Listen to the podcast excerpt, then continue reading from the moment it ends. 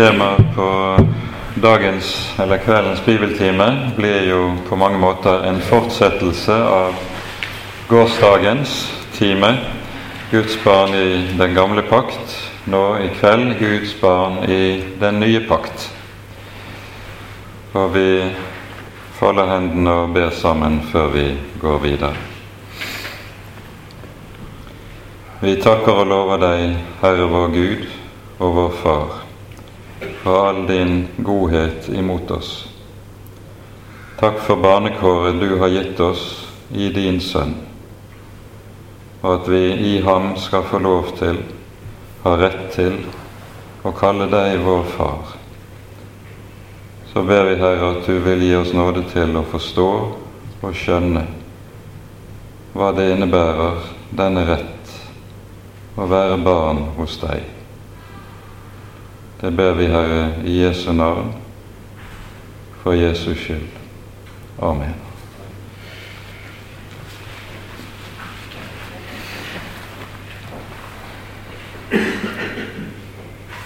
Vi vet alle sammen hvorledes eh, begrepet Guds barn er et helt sentralt begrep i Det nye testamentet Eh, et begrep som eh, står der sammen med talen om Gud som far, og beskriver det grunnleggende, noe av det helt grunnleggende i Guds forholdet.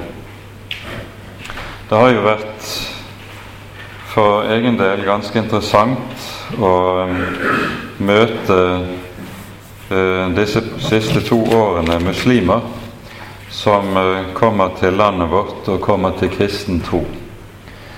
Og En av de grunnleggende forskjeller mellom islam og kristen tro er at i islam vil man aldri kunne tale om Gud, Allah, som far.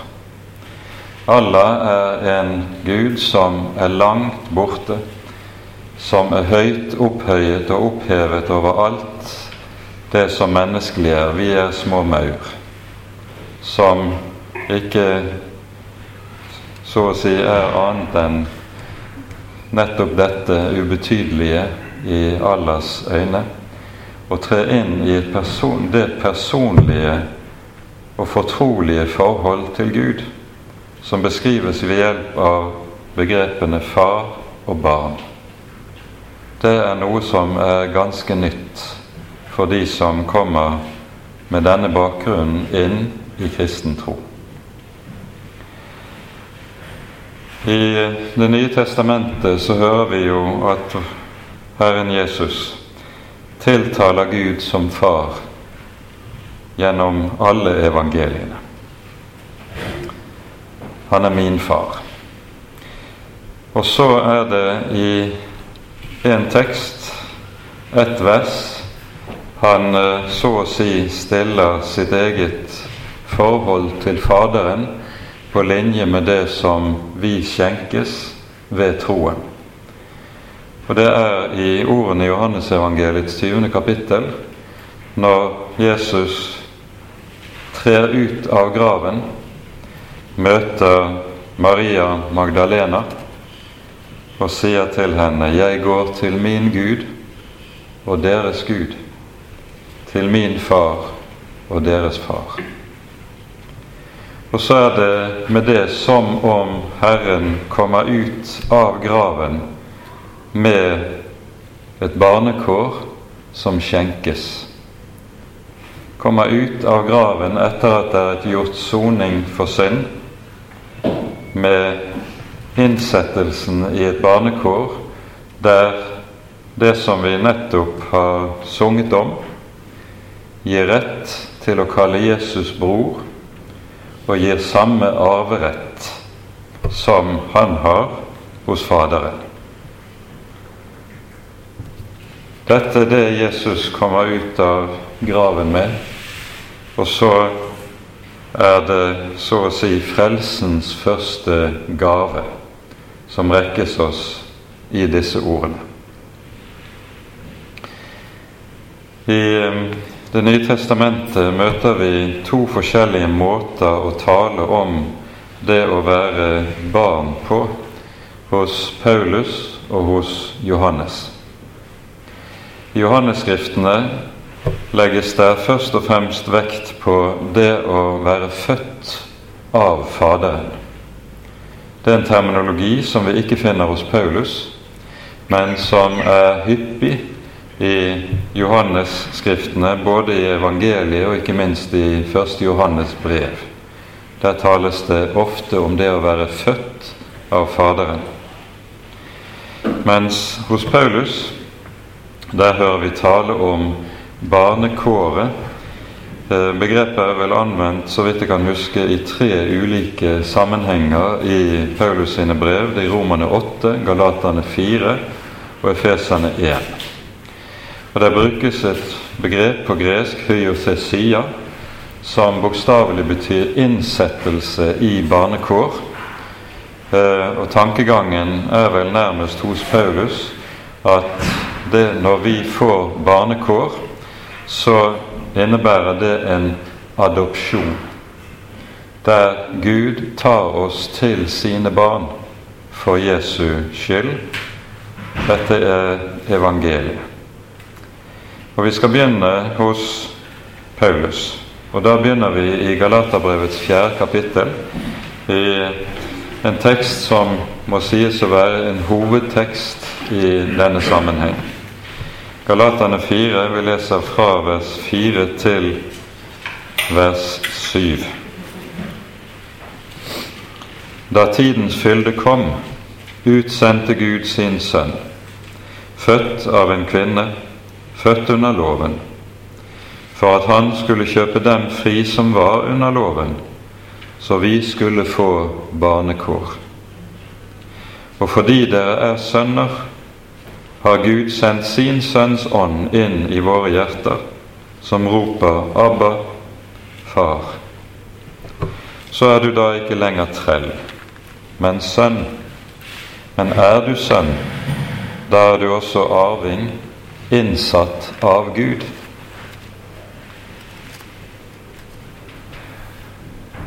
I parentes skal vi her kanskje si at i Galaterbrevet møter vi en viktig side ved Paulus' undervisning om Den hellige ånd. I det det er slik at Ånden så uttrykkelig kobles sammen med evangeliet og forkynnelsen av evangeliet. I det tredje kapittel så hører vi Paulus stille spørsmålet etter å ha understreket hva hans forkynnelse i Galatermenighetene handlet om. Han hadde malt Kristus korsfestet for deres øyne. Og så stiller han spørsmålet bare én ting vil jeg få vite av dere. Var det ved lovgjerninger dere fikk Ånden, eller ved evangeliets forkynnelse? Og de vet godt svaret. Dette er jo et retorisk spørsmål. De har hørt evangeliet forkynt. De har sett Jesus malt for sine øyne som korsfestet. Og så er det dette budskap som har formidlet og gitt dem Åndens gave. Det er forkynnelsen av Jesus. Ikke det ene eller annet de skal gjøre for å kvalifisere seg for åndsmeddelelsen, de har hørt og mottatt Ånden. Kommer vi til det 13. og 14. verset i Galatane 3, så møter vi noe av samme sak. Her sies det Kristus ble en forbannelse for oss fordi han ble hengt på forbannelsens tre. Og så kommer følgen av det, hvis vi skjærer vekk alle de innskutte bisetningene som står imellom, Så står det 'for at vi skulle få Ånden som det var gitt løfte om'. Altså forsoningen har som sin umiddelbare frukt at Ånden skjenkes. Ånden hører sammen med evangeliet. Det er nøyaktig det samme som altså gjelder i teksten som vi her hører tale om, der det i vers 6 er tale om den ånd som kalles for barnekårets ånd. Når Paulus på denne måten understreker denne hovedsaken, så blir det i disse versene i Galaterne 4 som vi leste innledningsvis. Så tegnes det opp her motsetningen til det å stå under loven og det å være under evangeliet. Når Jesus trer inn i verden i Herrens time, så fødes han under loven. For å, sies det, kjøpe den fri som var under loven. Det at Jesus underlegges loven, det understrekes jo i evangeliene med at vi hører om Kristi omskjærelse på den åttende dagen, der han også gis det navn som var sagt både til Maria og til Josef før barnets fødsel. Men når han omskjæres, så legges han under loven. Han får en oppgave som stedfortreder å oppfylle loven oppfylle loven på våre vegne. Saken er jo den i Skriften at Jesus er vår stedfortreder, ikke bare det som skjer på korset når han lider døden i vårt sted, altså bærer lovens dom i vårt sted. Men han er også stedfortreder i sitt liv, idet han i sitt liv oppfyller hele Guds hellige lov på våre vegne. Slik at i Kristi person så oppfylles alle Guds krav, og det skjer på våre vegne. For å kjøpe dem fri som var under loven, sies det. For at vi skulle få barnekår, at vi skulle få innsettelse i sønnekår. Motsetningen som settes opp her, det er trellekår og barnekår. Og hvis vi tenker litt igjennom hva som var den rettslige status for person, disse to kategorier av mennesker, så vil vi se at her ligger det en himmelvid forskjell mellom disse to. Hva var den rettslige status for en trell? Han hadde ingen rettigheter overhodet. I forholdet trell-herre var det slik at det er Herren som hadde alle rettigheter over trellen. Trellen hadde overhodet ingen rettigheter. Og hvis trellen i det hele tatt skulle få det han trengte til livets opphold, så hadde han å henge i. Og arbeide og slite fra morgen til kveld. Trellen kunne gjøre hva han ville, Herren kunne gjøre hva han ville med sin trell. Mishandle ham etter forgodtbefinnende selge ham etter forgodtbefinnende. Trellen var ikke stort annet enn en ting som kunne behandles etter forgodtbefinnende. Trellen har ingen rettigheter. Alle rettighetene i dette forhold ligger hos Herren, og Herren gjør hva han vil. Dette sammenligner, dette trelleforholdet sammenligner Paulus altså med det å være under loven. Der er forholdet det at du står under den levende Guds tiltale, som krever av deg. Og med mindre du oppfyller kravet, har du ikke rett på noe som helst fra den levende Gud. Det eneste du kan møte når du ikke oppfyller kravet, er vrede, dom og forbannelse. Og det er det trelle forholdet til Gud under loven medfører uvegerlig. I trellelivet er det ingen hvile, bare slit, møye og strev. Den rettslige status for et barn, et ektefødt barn, er imidlertid ganske annerledes. Der er det slik at barnet er født med alle rettigheter. I forholdet barn, det lille barn og foreldre der ligger alle pliktene i forholdet på foreldrene, på mor og på far. Den lille som ligger i vuggen, avkreves ikke at dersom du gjør slik og slik, da skal du få mat. Da skal du få stell. Da skal du få det du trenger. Men uten å måtte bidra med det aller minste, så får barnet alt det behøver, dersom barnets foreldre i hvert fall er rette foreldre. Alle plikter i dette forholdet mellom foreldre og barn, det hviler på far, på mor.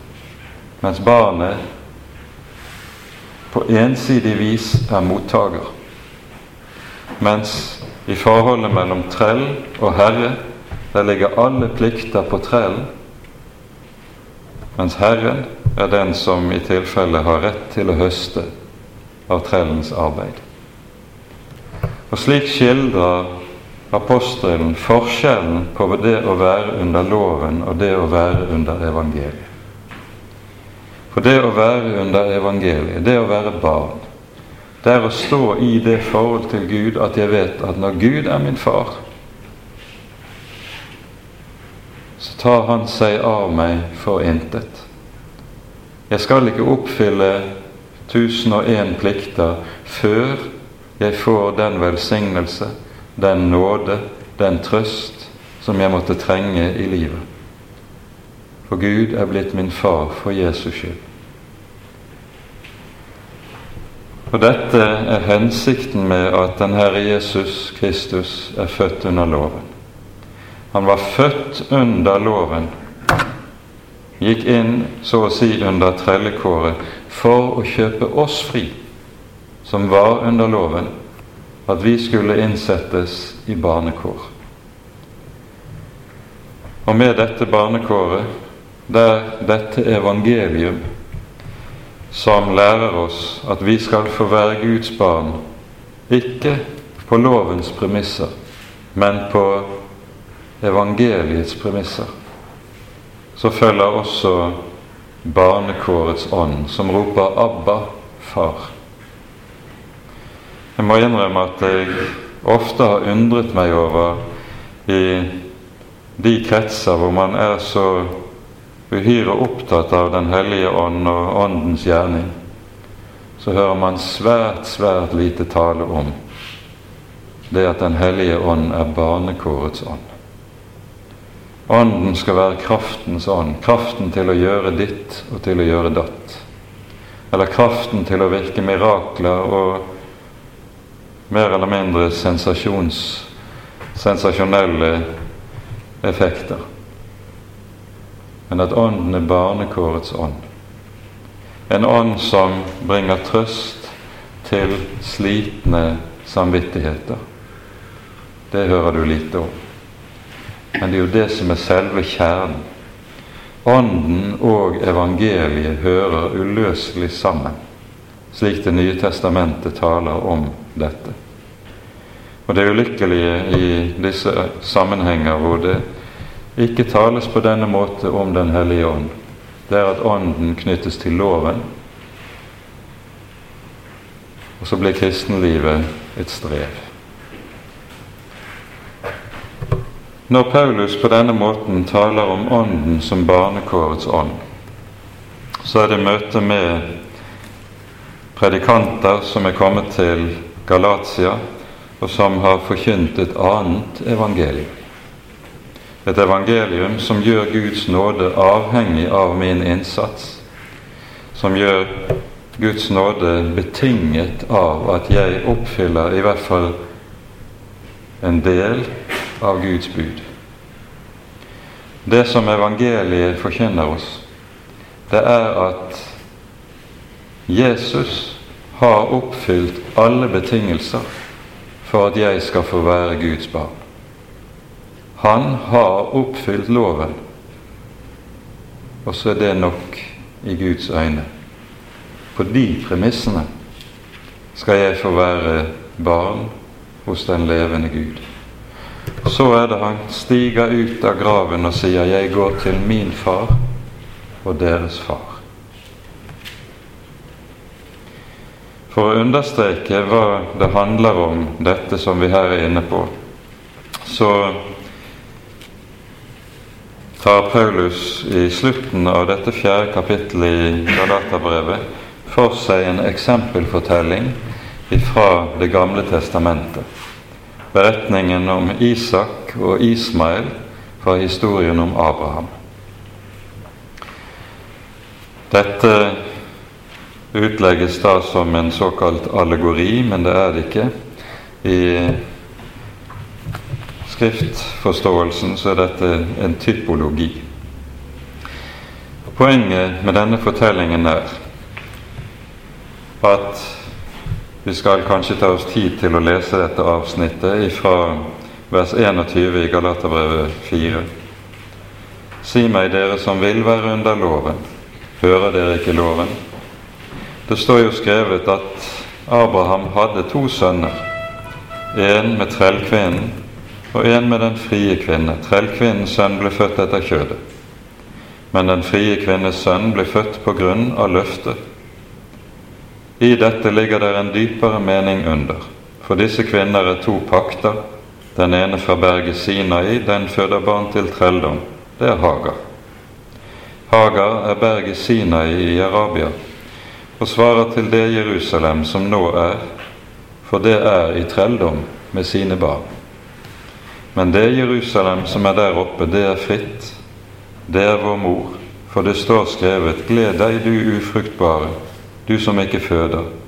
Bryt ut i jubelrop, du som ikke har fødselsveer. For den enslige kvinne har mange flere barn enn hun som har mann. Men vi brødre er løftets barn, like som Isak. Tankegangen hos Paulus er følgende Når Abraham får kallet,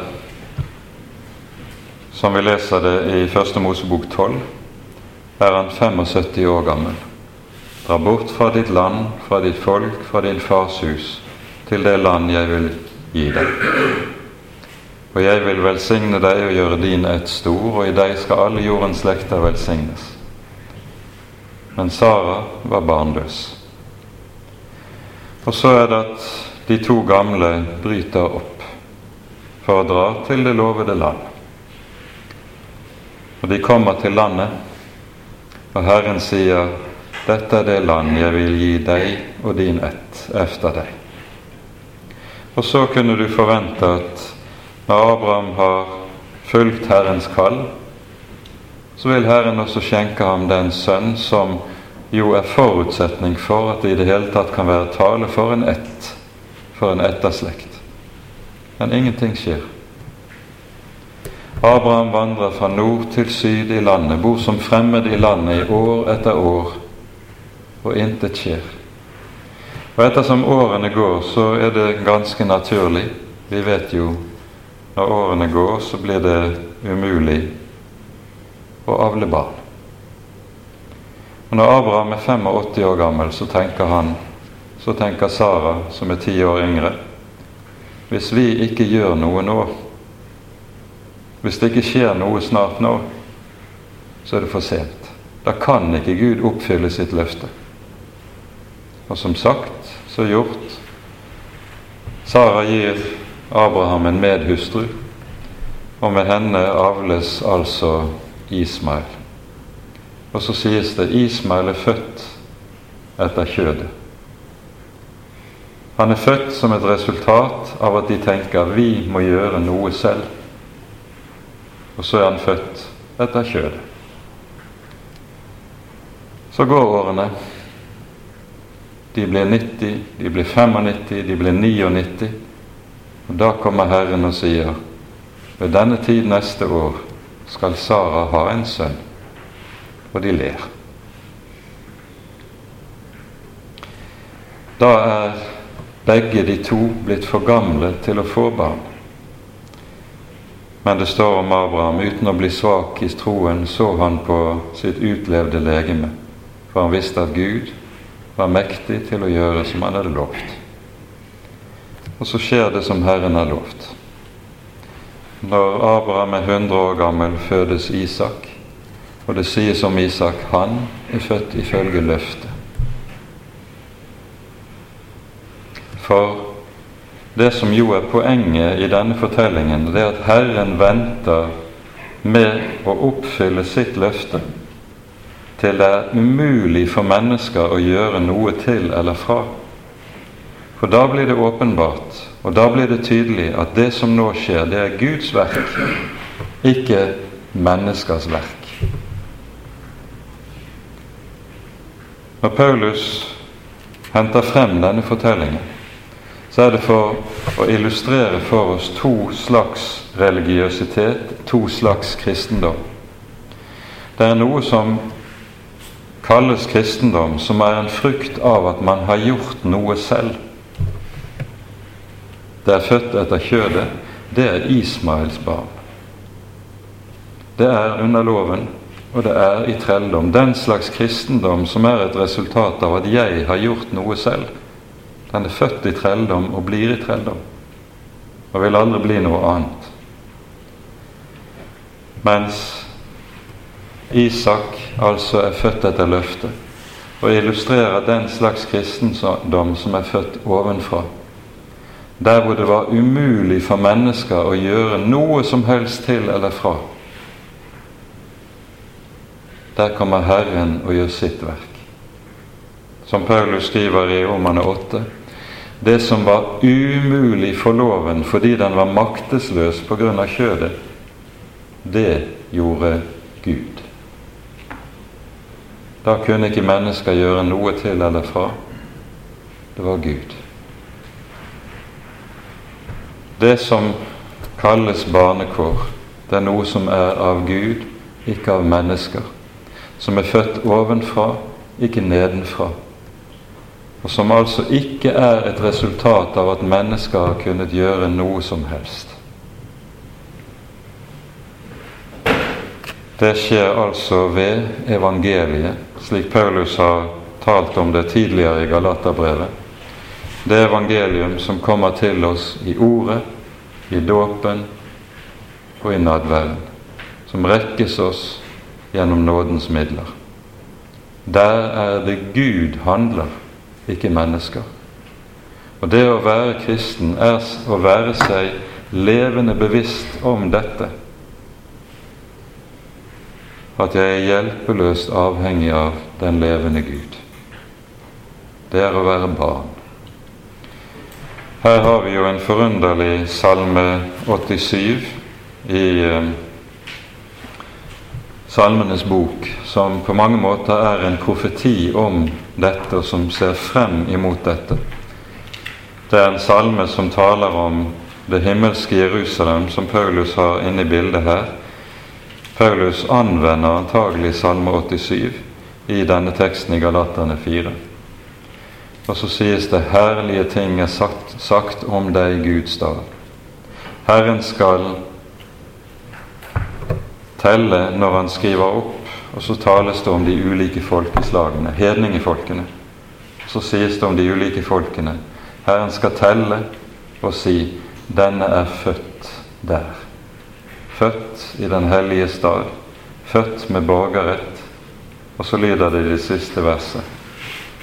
Og alle de som synger og spiller på fløyte, skal si:" Alle mine kilder er i deg.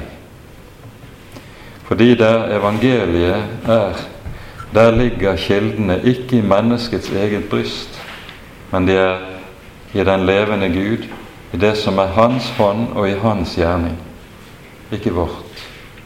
Det skriver seg ikke fra oss, men fra Han som er Herre. Det er saken, og det er det evangeliet handler om. Det utelukker din og min gjerning, det, har, det du og jeg har å fare med. Og så lukkes vi inn i Guds, det som er ovenfra, av Ham.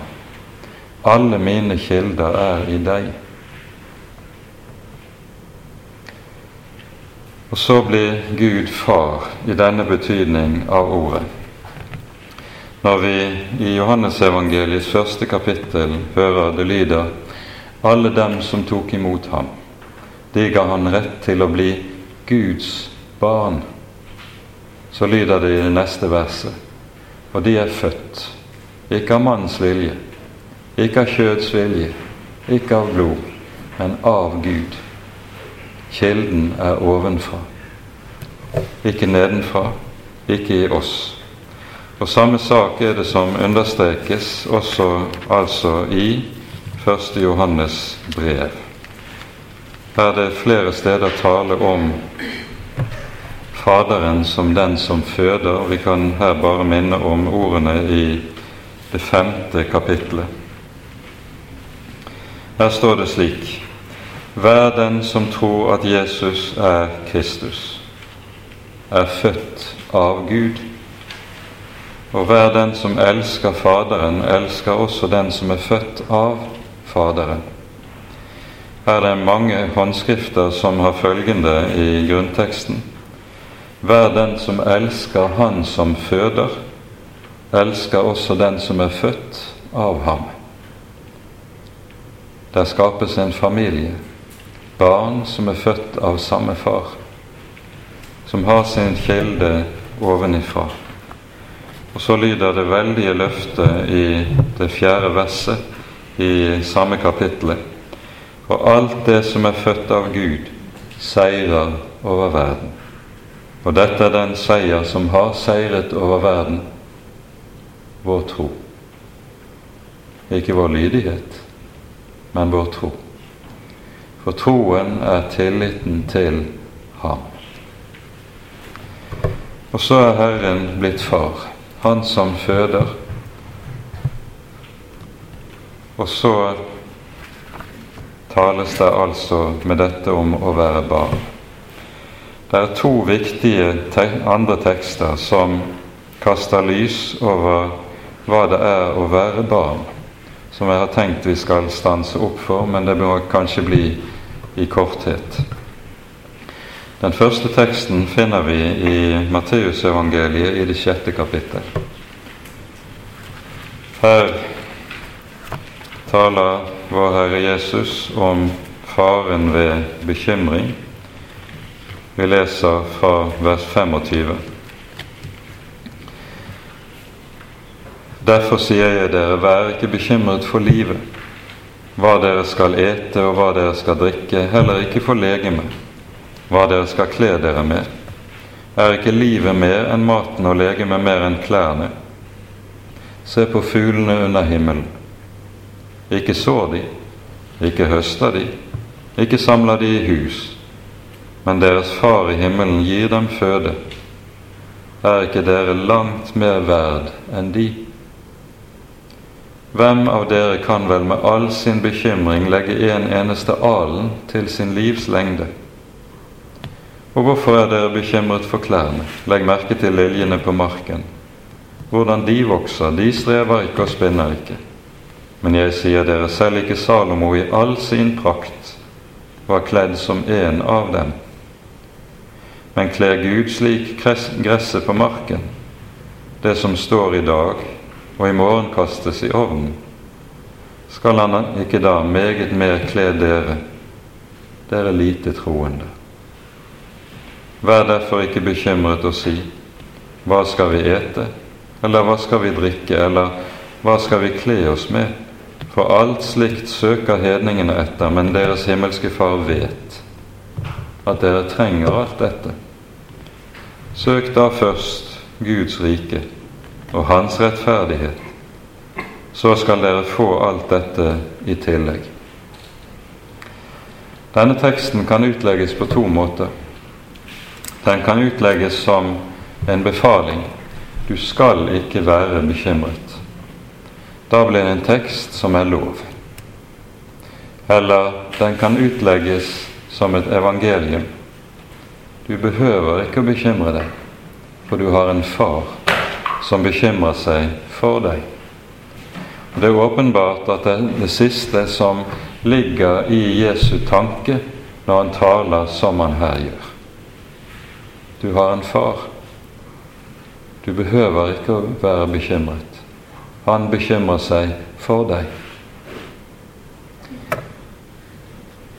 I møte med denne teksten så klarer jeg aldri å la være å tenke på en av mine åndelige fedre, Nils Sjælåen, som var misjonær i Amazonas under krigen. Og Pga. krigen så var det umulig å motta støtte fra vennene, misjonsvennene hjemme i Norge. Og da var det ikke enkelt å leve. Hva skulle de ha til livets opphold? De visste ikke om de hadde brød å spise på morgendagen. Og han sa om denne tiden i Amazonas På denne tiden så lærte vi Gud å kjenne som far.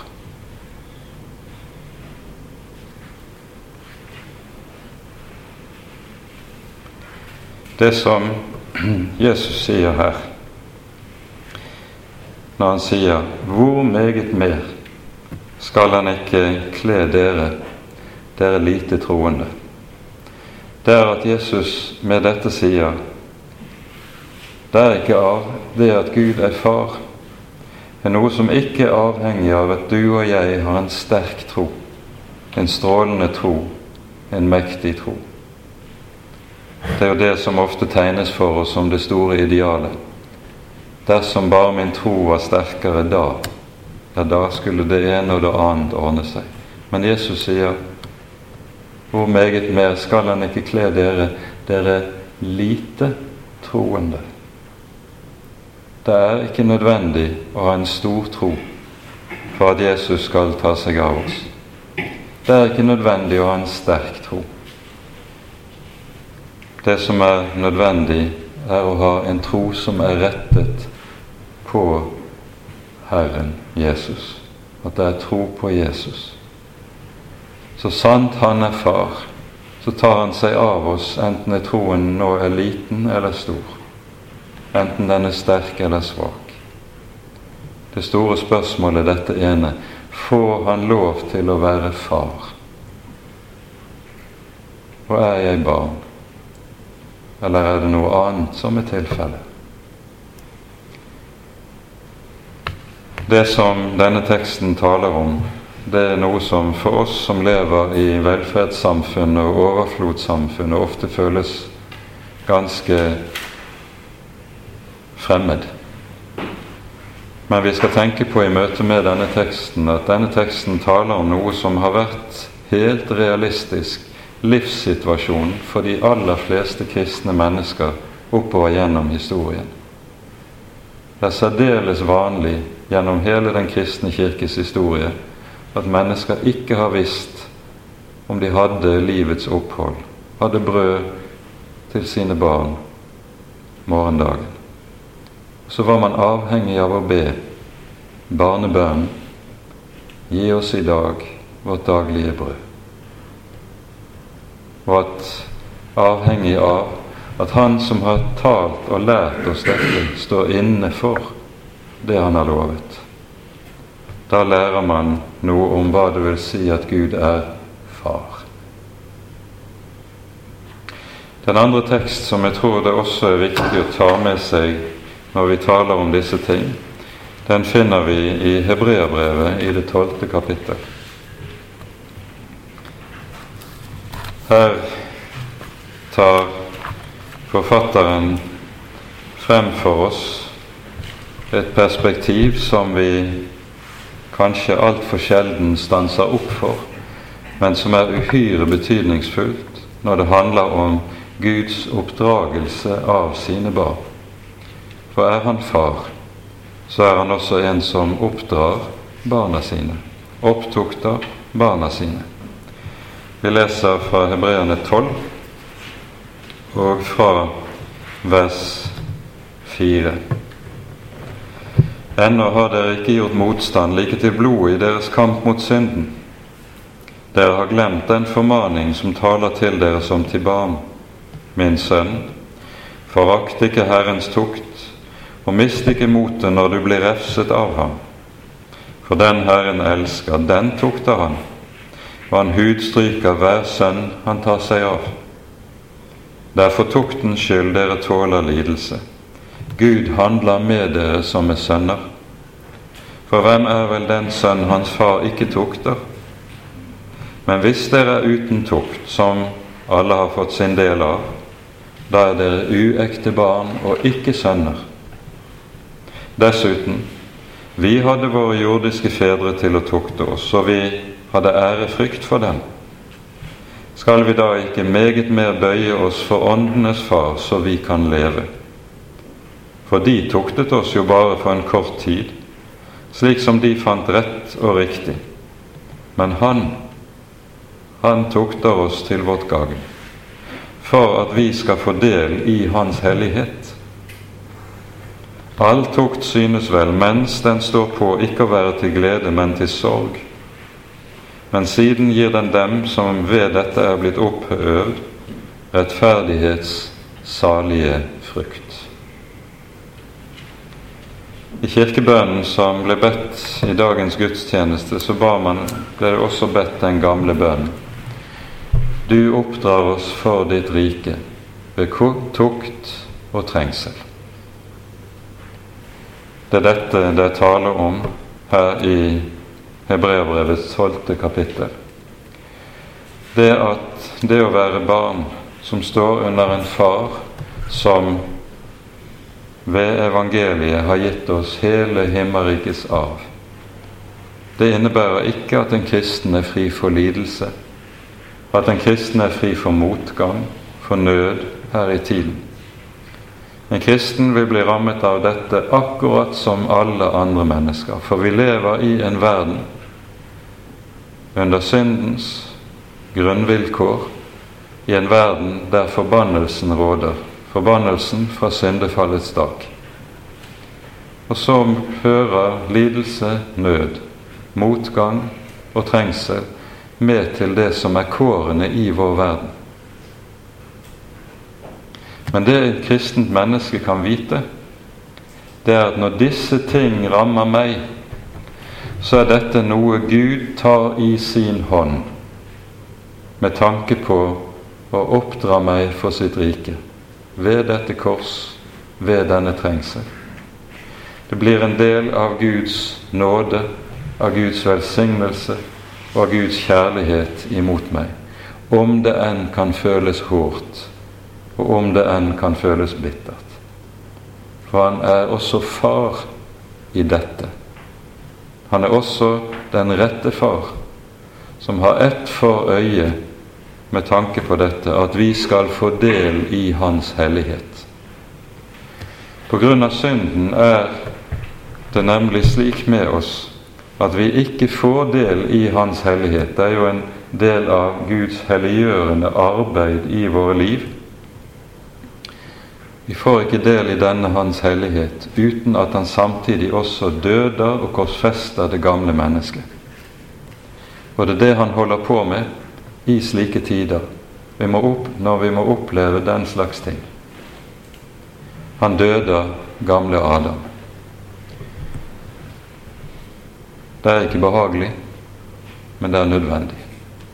Og så er det også noe som gjør at et Guds barn kan vite at i slike tider så står jeg i Herrens hånd. Nød og trengsel er ikke tegn på at jeg er forlatt, ikke tegn på at jeg er forkastet, men det er i stedet Herrens hånd som arbeider og virker til mitt gagn, til mitt beste. Når kong Hiskia hadde fått lov til å se inn i noe av dette, sånn som vi leser i det i Jesaja-bokens 38. kapittel. Så sier han i sin takkebønn til Herren Til fred ble meg det bitre, ja, det bitre. Og kjærlig dro du min sjel opp av tilintetgjørelsens grav, for du kastet alle mine synder bak din rygg. Dette er Herrens måte å stelle på og arbeide på når han er far. Og så er det å være Guds barn, det er å vite at han er min far. Av ham er jeg født ved evangeliet om Jesus. Han kom ut av graven med dette i sine hender. Jeg går til min Gud og deres Gud, til min far og deres far og så er han min broder, og vi Guds barn. Å få leve under disse vilkår her i tiden. Ære være Faderen og Sønnen og Den hellige ånd, som var og er og være skal en sann Gud, høylovet i evighet. Amen.